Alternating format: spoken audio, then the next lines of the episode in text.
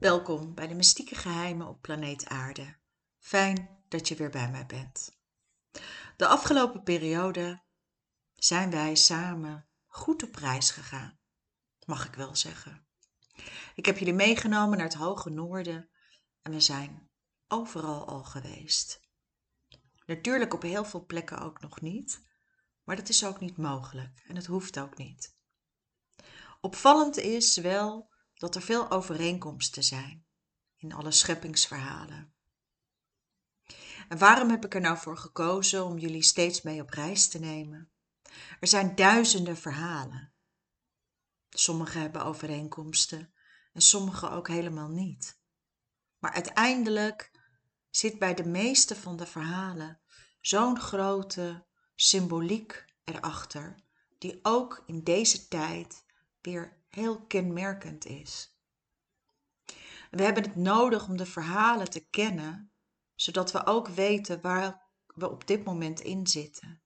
Zodat we ook realiseren wat er werkelijk aan de hand is. Ik ga jullie meenemen nog naar alle religies. Niet allemaal, want er zijn er meer dan 8000. Zou ik heel graag willen, maar wie weet. Naar sectes en broederschappen maar daarvoor is het belangrijk om te realiseren waar verhalen en ideeën en mythes vandaan komen. Goed, vandaag ga ik nog het een en ander met jullie doornemen. En uh, ja, ik zou zeggen, ga lekker zitten. Misschien zit je in de auto. En ik ga gewoon uh, beginnen. Ik ga jullie meenemen nog een keer naar het oude Egypte. In het begin was er chaos. Vaak beschouwd als een kosmisch ei. En dat kosmisch ei, dat horen we vaker. Het wordt in veel verschillende scheppingsverhalen genoemd. In Egypte, Helopolos, was er een oceaan, Nun, die het ei vulde. Uit Nun, die de kiemen van alle latere levens bevatte, kwam de zonnegod Atem. Hij die volkomen is, tevoorschijn. De schepper en de oervader van alle generaties van goden.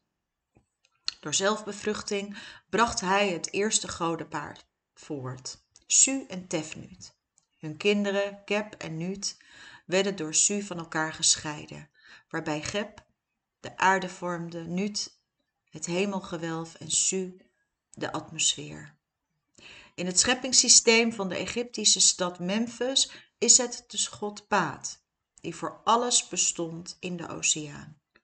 En nu met zijn hart het verstand de schepping concipeerde en dit idee met zijn tong, oftewel het woord, uiteindelijk realiseerde en verwezenlijkte. We zijn in het oude Mesopotamië geweest. Weet je het nog bij de oude Anunnakis ook? De verhalen waarin zij de mensen uit het klei maakten, omdat ze geen zin hadden om zelf hun taken op te lossen. Maar ook in de epos van Unuma Ellie, de scheppingsmythe van de oergodin Namaat, die de oeroceaan als personage heeft. En zij zint na de moord op haar gemaal, de personage van het zoete water, Apsu, op wraak, maar wordt door de jonge goden verslagen. Haar lichaam wordt gespleten en de onderste helft wordt de aarde en de bovenste helft wordt de hemel en haar water worden bijvoorbeeld de wolken. En ik wil jullie nogmaals meenemen naar het oude Japan en China. We hebben het gehad uitgebreid al over China. Bij de oude Chinezen splitste het kosmisch ei de chaos zich het vrouwelijke yin-principe dat de zware aarde vertegenwoordigt en het mannelijke yang-principe dat de lichte zuivere lucht presenteert. Tussenin staat de uit het kosmisch ei geboren berg, dwerg Pangu, die 18.000 jaar lang drie meter per dag groeit. En zo met zijn lichaam hemel en aarde verder uit elkaar duwt. En na zijn dood ontstaat uit zijn lichaam de grond, hemellichamen, bergen, zeeën, rivieren, donder en bliksem. In de Japanse Shinto-mythologie stoten Anunnaki en Izanami, het goden oerpaar, staande op de drijvende hemelbrug een speer in de oceaan. Het van de speer afdruipende water stolpt en vormt het eerste eiland van het Japanse archipel. En hier worden hun kinderen en hun goden geboren. Bij de Hindoes zijn er meerdere tradities. En één daarvan ontstond in het oerwater. Daar heb je hem weer, uit het zaad van de oergod. Een stralend gouden ei, waaruit de oermens Perusha werd geboren en hij offerde zichzelf op of hij werd geofferd. Zijn hoofd werd de hemel, zijn voeten de aarde en zijn navel de atmosfeer.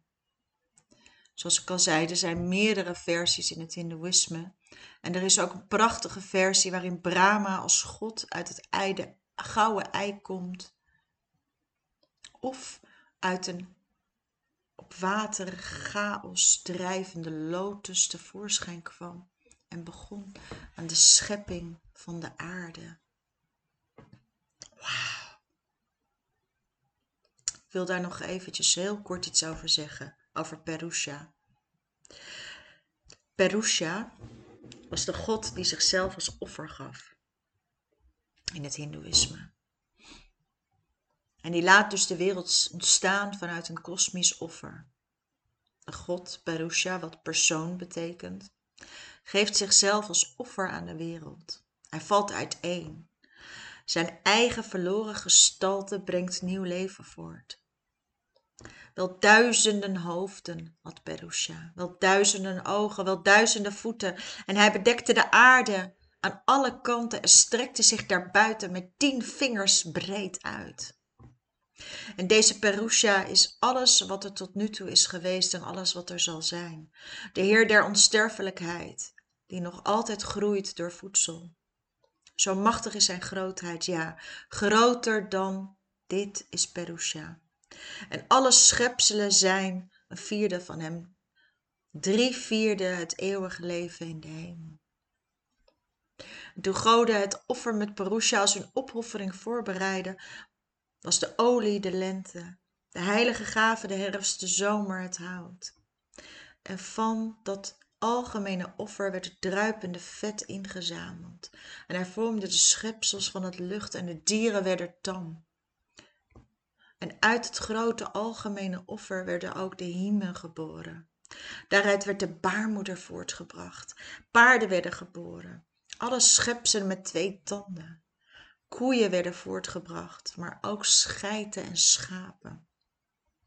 En toen ze Perusha deelden, hoeveel porties maakten ze toen? Hoe noemden zijn mond en zijn armen? Hoe noemden ze zijn dijen en zijn voeten? De Brahman was zijn mond. Van zijn beide armen werd de gemaakt en zijn dijen werden de Vashna. Van zijn voeten werd de Sudra gemaakt. En de maan ontstond uit zijn geest en uit zijn oog werd de zon geboren. Indra en Agni werden uit zijn mond geboren en Vayu de blazer uit zijn adem.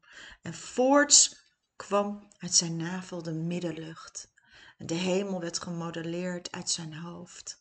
En de aarde ontstond uit zijn voeten en uit zijn oren de gewesten. En zo ontstonden de werelden. Wat een heerlijk verhaal, hè? Ja.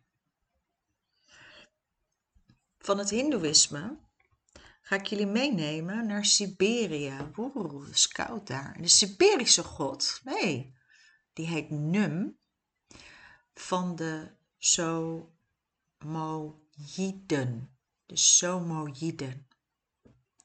En daar komt hij weer. In het begin zag hij niets dan water. Hij stuurde de vogels naar de bodem van de zee en één bracht een kluitje naar Num.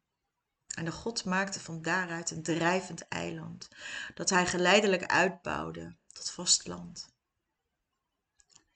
In een variant legde het Siberische oerwezen in de gedaante van een vogel in het oerwater zijn ei, waaruit later de wereld ontstaan. En in sommige mythen is de splitsing van het ei vervangen door het scheiden van het vrouwelijke van het mannelijke element. Bijvoorbeeld in de Griekse mythologie, waar Quiranos de hemel en Gaia de aarde in zo'n nauwe omarming lagen dat hun kinderen geen licht kregen, totdat een van de zonen, Kronos, zijn vader ontmande en al dus zijn ouders hemel en aarde van elkaar scheiden. Dat optreden vond plaats in chaos. Grote, onmetelijke ruimte waar de oorsprong was.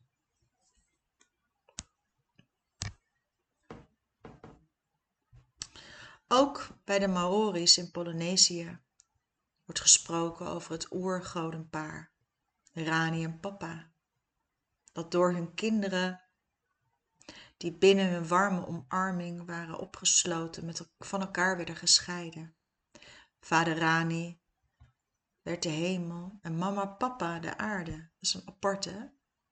In de Filipijnse scheppingsmythe gaat het verhaal dat de eerste man en vrouw uit een bamboestok zijn uitgebroken. Die was ontstaan na een gevecht tussen de elementen, de lucht en de oceaan. De Germaanse mythe van de Germanen verhaalt hoe druppels van smeltend ijs de oerreus Ymir ontstond. Daar hebben we het al over gehad, weet je nog? Uit zijn zweet werd het geslacht van de rijpreuzen geboren. En een aantal van Ymir's nakomelingen onder wie Odin doodde hem en maakte van zijn lichaam de wereld, van zijn vlees de aarde, van zijn schedel de hemel. Bij de Indianen bestaan ook enorm veel scheppingsverhalen met veel voorkomende figuren. Een dierachtig wezen, wederom, dat uit de oeroceaan opdook. En van de zeebodem een klomp modder naar de oppervlakte bracht, waaruit hij het begin van de aarde schiep. En ook daarin weer dat modderstuk. Dus dat modder is ook heel kenmerkend. Dus weer die oeroceaan, het ei en de modder. De voltooiing van de schepping werd overgelaten aan een cultuur Heros, een oertweeling, broer en zus. Of twee zusjes, een broer en een vader, aan wie de schepping werd toegeschreven. En de spin als oerwezen, die het web spon, waaraan de wereld werd opgehangen. Bij de Azteken is er een mythe over het begin van de schepping, bij de geboorte van ontelbare goden die tezamen ontsproten uit het offermes, dat de oermoeder Omar Siquelel op de vlakte in het noorden het stamland van de Azteken liet neervallen. En de Maya's gingen in hun scheppingstaak zeer ordelijk te werk. In het oerwater heb je hem weer, waar verscheidene geestelijke krachten aanwezig waren, ontstond het universum, bestaande uit drie vierhoeken, waarvan de bovenste de hemel vormde, de middelste de aarde en de onderste de onderwereld. Uit iedere hoek van het universum regeerde een regent. Aan deze vier heersers werden drie zonnekoningen toegevoegd en in een raad vergaderden, brachten deze zeven het woord voort. De creatieve kracht die later planten, dieren en mens schiep.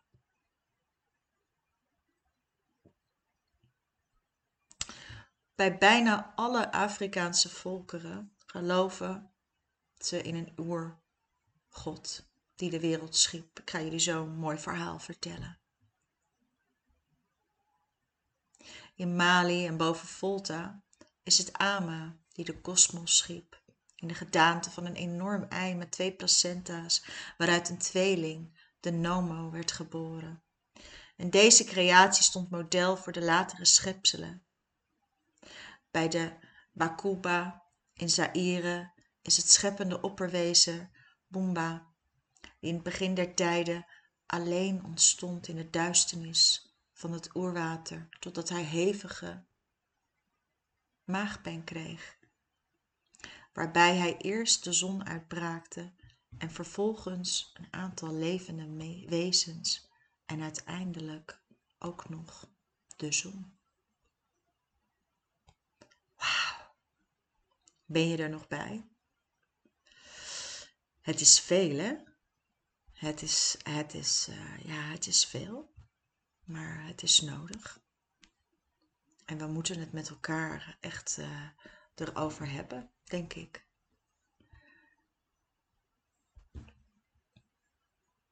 Ik wil ontzettend graag nog uh, iets met jullie ook delen, als het mag.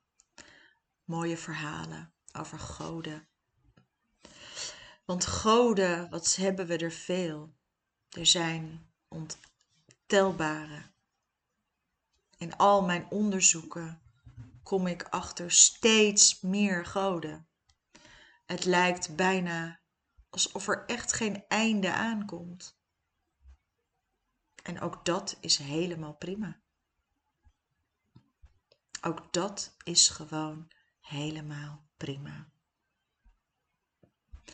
Ik kom zo meteen nog terug op een Afrikaans verhaal. Maar ik wil eerst nog even wat anders met jullie delen. Weet je wat het is? Op het moment dat je dus een onderzoek doet als dit, en je komt achter zoveel dingen, dan zijn er nog meer vragen. Want dan blijf ik bijvoorbeeld mezelf steeds vragen stellen van hoe zit dat dan met dat ei? En hoe zit het dan met dat, met dat water? En hoe zit het met dat paar wat gecreëerd wordt? Ieder scheppingsverhaal heeft eigenlijk de aanname dat er al iets bestond. Meestal een oerzee. De gedachte dat leven uit water komt. Dat vinden we bijna overal terug. Of je nou in de Bijbel of ik ga het zo met jullie nog over de Koran hebben. Of het manifesteren van scheppende goden. Dat zie je bij in de Bijbel, maar ook een scheppende god in het Hindoeïsme, Brahma of de zonnegod, Sura. En Adam en Eva waren ook niet de enigen die als spaden geschapen waren. Ook daarin zie je dat er ontzettend veel zijn die daar iets over vertellen. Maar ook de oude symboliek. Het gouden ei, is dat vruchtbaarheid? Is dat de baarmoeder? Water als leidinggevende substantie? Lotusbloemen van de goddelijke energie? Maar hoewel ook het oerprincipe van eeuwig en ontvankelijk is, zijn wij als mensen dat nog niet. Hoewel we dat altijd wel zeggen. We zeggen ook van uh, wij, wij sterven, maar we leven nog voor, want de ziel is oneindig. Maar zijn we wel oneindig? Is dat zo? Hoe werkt dat dan? Waar komt al die informatie vandaan? Ik weet niet hoe het voor jullie is, maar door mijn onderzoek, door ook met al die scheppingsverhalen, wordt het bijna nog ingewikkelder omdat ik me dan steeds afvraag, maar, maar waar komt die informatie vandaan? Stel je voor, die Vishnu in het, in het Hindoeïsme, die slaapt in een kosmische oceaan. En de lotus van het universum groeit uit zijn navel. En daarin zit de schepper. En die opent de ogen en daaruit komt een wereld. En zijn wereld is 432.000 jaar. En wanneer hij sterft, trekt die lotus terug en dan komt er een nieuwe. Denk eens na over al die oneindige sterrenstelsels en universums.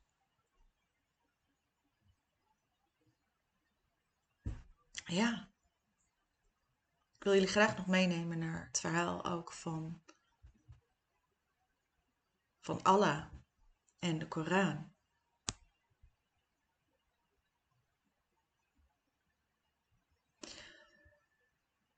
Het eerste schepsel dat Allah geschapen heeft, was water. Dus hoog boven de hemelen. En daarna schiep hij de grote troon. De troon als platform met steunpilaren, die hebben we ook al eerder gehoord. schepsel dat hij geschapen heeft is het plafond van het paradijs. En nadat hij het water en de troon geschapen heeft, schiep hij de bovenste pen en vervolgens het beschermende bord en daarna de rest van de schepsels. In de beschrijving van het beschermende bord is het overgeleverd dat het een witte parel is met de randen van rode robijn. De breedte van het beschermende bord is een reisafstand van 500 jaar. En Allah beval de pen om te schrijven. De pen schreef op het beschermende bord alles wat er zou gebeuren in het leven tot het einde van dit leven, 50.000 jaar na deze gebeurtenis. En hij schiep de hemel en de aarde in zes dagen. En niemand wordt geboren en er valt geen druppel water. Alles is in overeenstemming met wat er op het beschermende bord geschreven staat. En opvallend is dat er wordt gesproken over de aarde waar wij nu wonen als een van de zeven aardes. En dat dit de hoogste aarde is. dat iedere aarde is gescheiden van een andere aarde. En op de zevende aarde is er een plaats genaamd Sitjin. De zielen van godlasteraars gaan daar naartoe.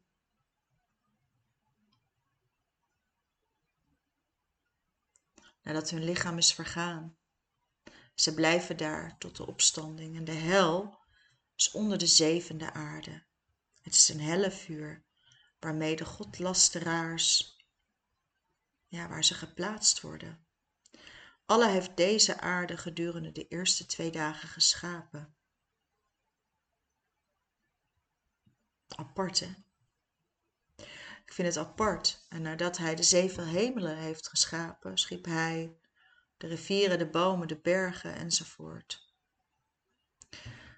De zesde dag schiep hij Adam. Aan het eind van de dag, het was vrijdag. En Adam was de laatste soort van de schepping, de mens.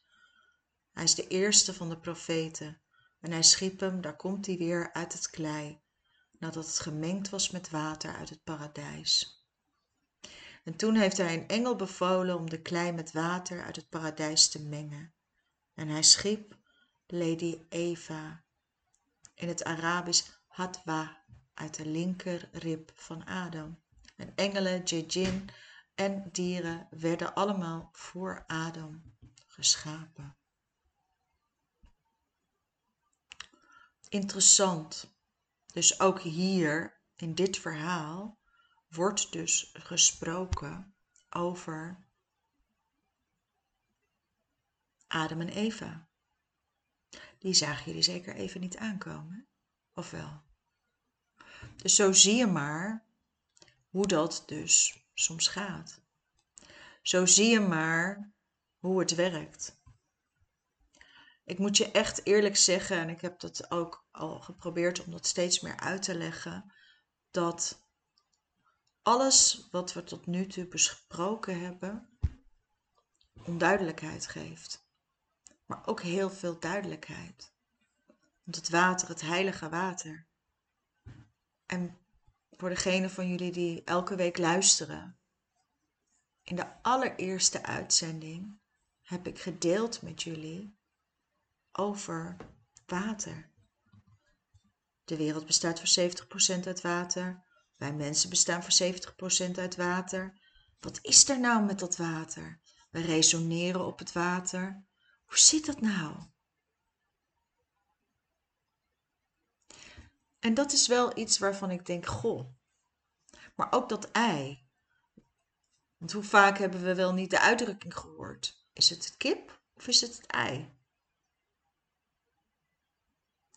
En ook wat nu steeds duidelijker wordt, is dat de verschillen groot zijn, maar de overeenkomsten zijn er dus ook. En iedereen deelt eigenlijk wel een beetje informatie van elkaar. En ik heb het misschien al eerder genoemd, maar ik ga het vandaag gewoon weer noemen. Wat is jouw eigen scheppingsverhaal?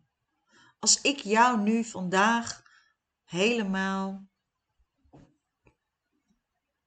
de vrije hand zou geven.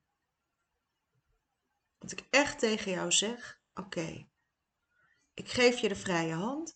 Hoe denk jij dat het is ontstaan? Wat zegt jouw gevoel? Want ik zei net van, ik wil jullie nog wat vertellen over Afrikaanse scheppingsverhalen, maar dat ga ik niet doen. Ik leg je uit waarom. Omdat ik jullie straks mee gaan nemen naar hun religies. En de tradities en waarom dat zo belangrijk is. En voor vandaag wil ik jou persoonlijk dus echt uitnodigen om eens naar binnen te treden bij jezelf en te kijken van goh, hoe zou ik denken dat het misschien in elkaar zit? En dan ga ik vanaf volgende week weer met jullie spreken. En dan ga ik allemaal uitleggen over alle sectes en over al die religies. Maar als je niet kan staan aan je eigen basis, als je dat niet kan afvragen. Die vraag die ik mijzelf als klein meisje ooit stelde. Wie vertelt mij de waarheid? Maar wat als niemand jou de waarheid vertelt? Als het allemaal maar aannames zijn en dat de waarheid alleen maar bij jou zit. En als jij de waarheid voor jezelf op orde kan krijgen, hoe fijn zou dat zijn? En als jij kan besluiten, zoals ik zie in China en in Egypte en in allerlei culturen waarin er ik weet niet hoeveel goden zijn, moedergodinnen, uh, ik hou van jou godinnen, scheppergodinnen, voorspoedgodinnen of goden. Wat zou, je, wat zou je zelf willen creëren? En daar wil ik jullie echt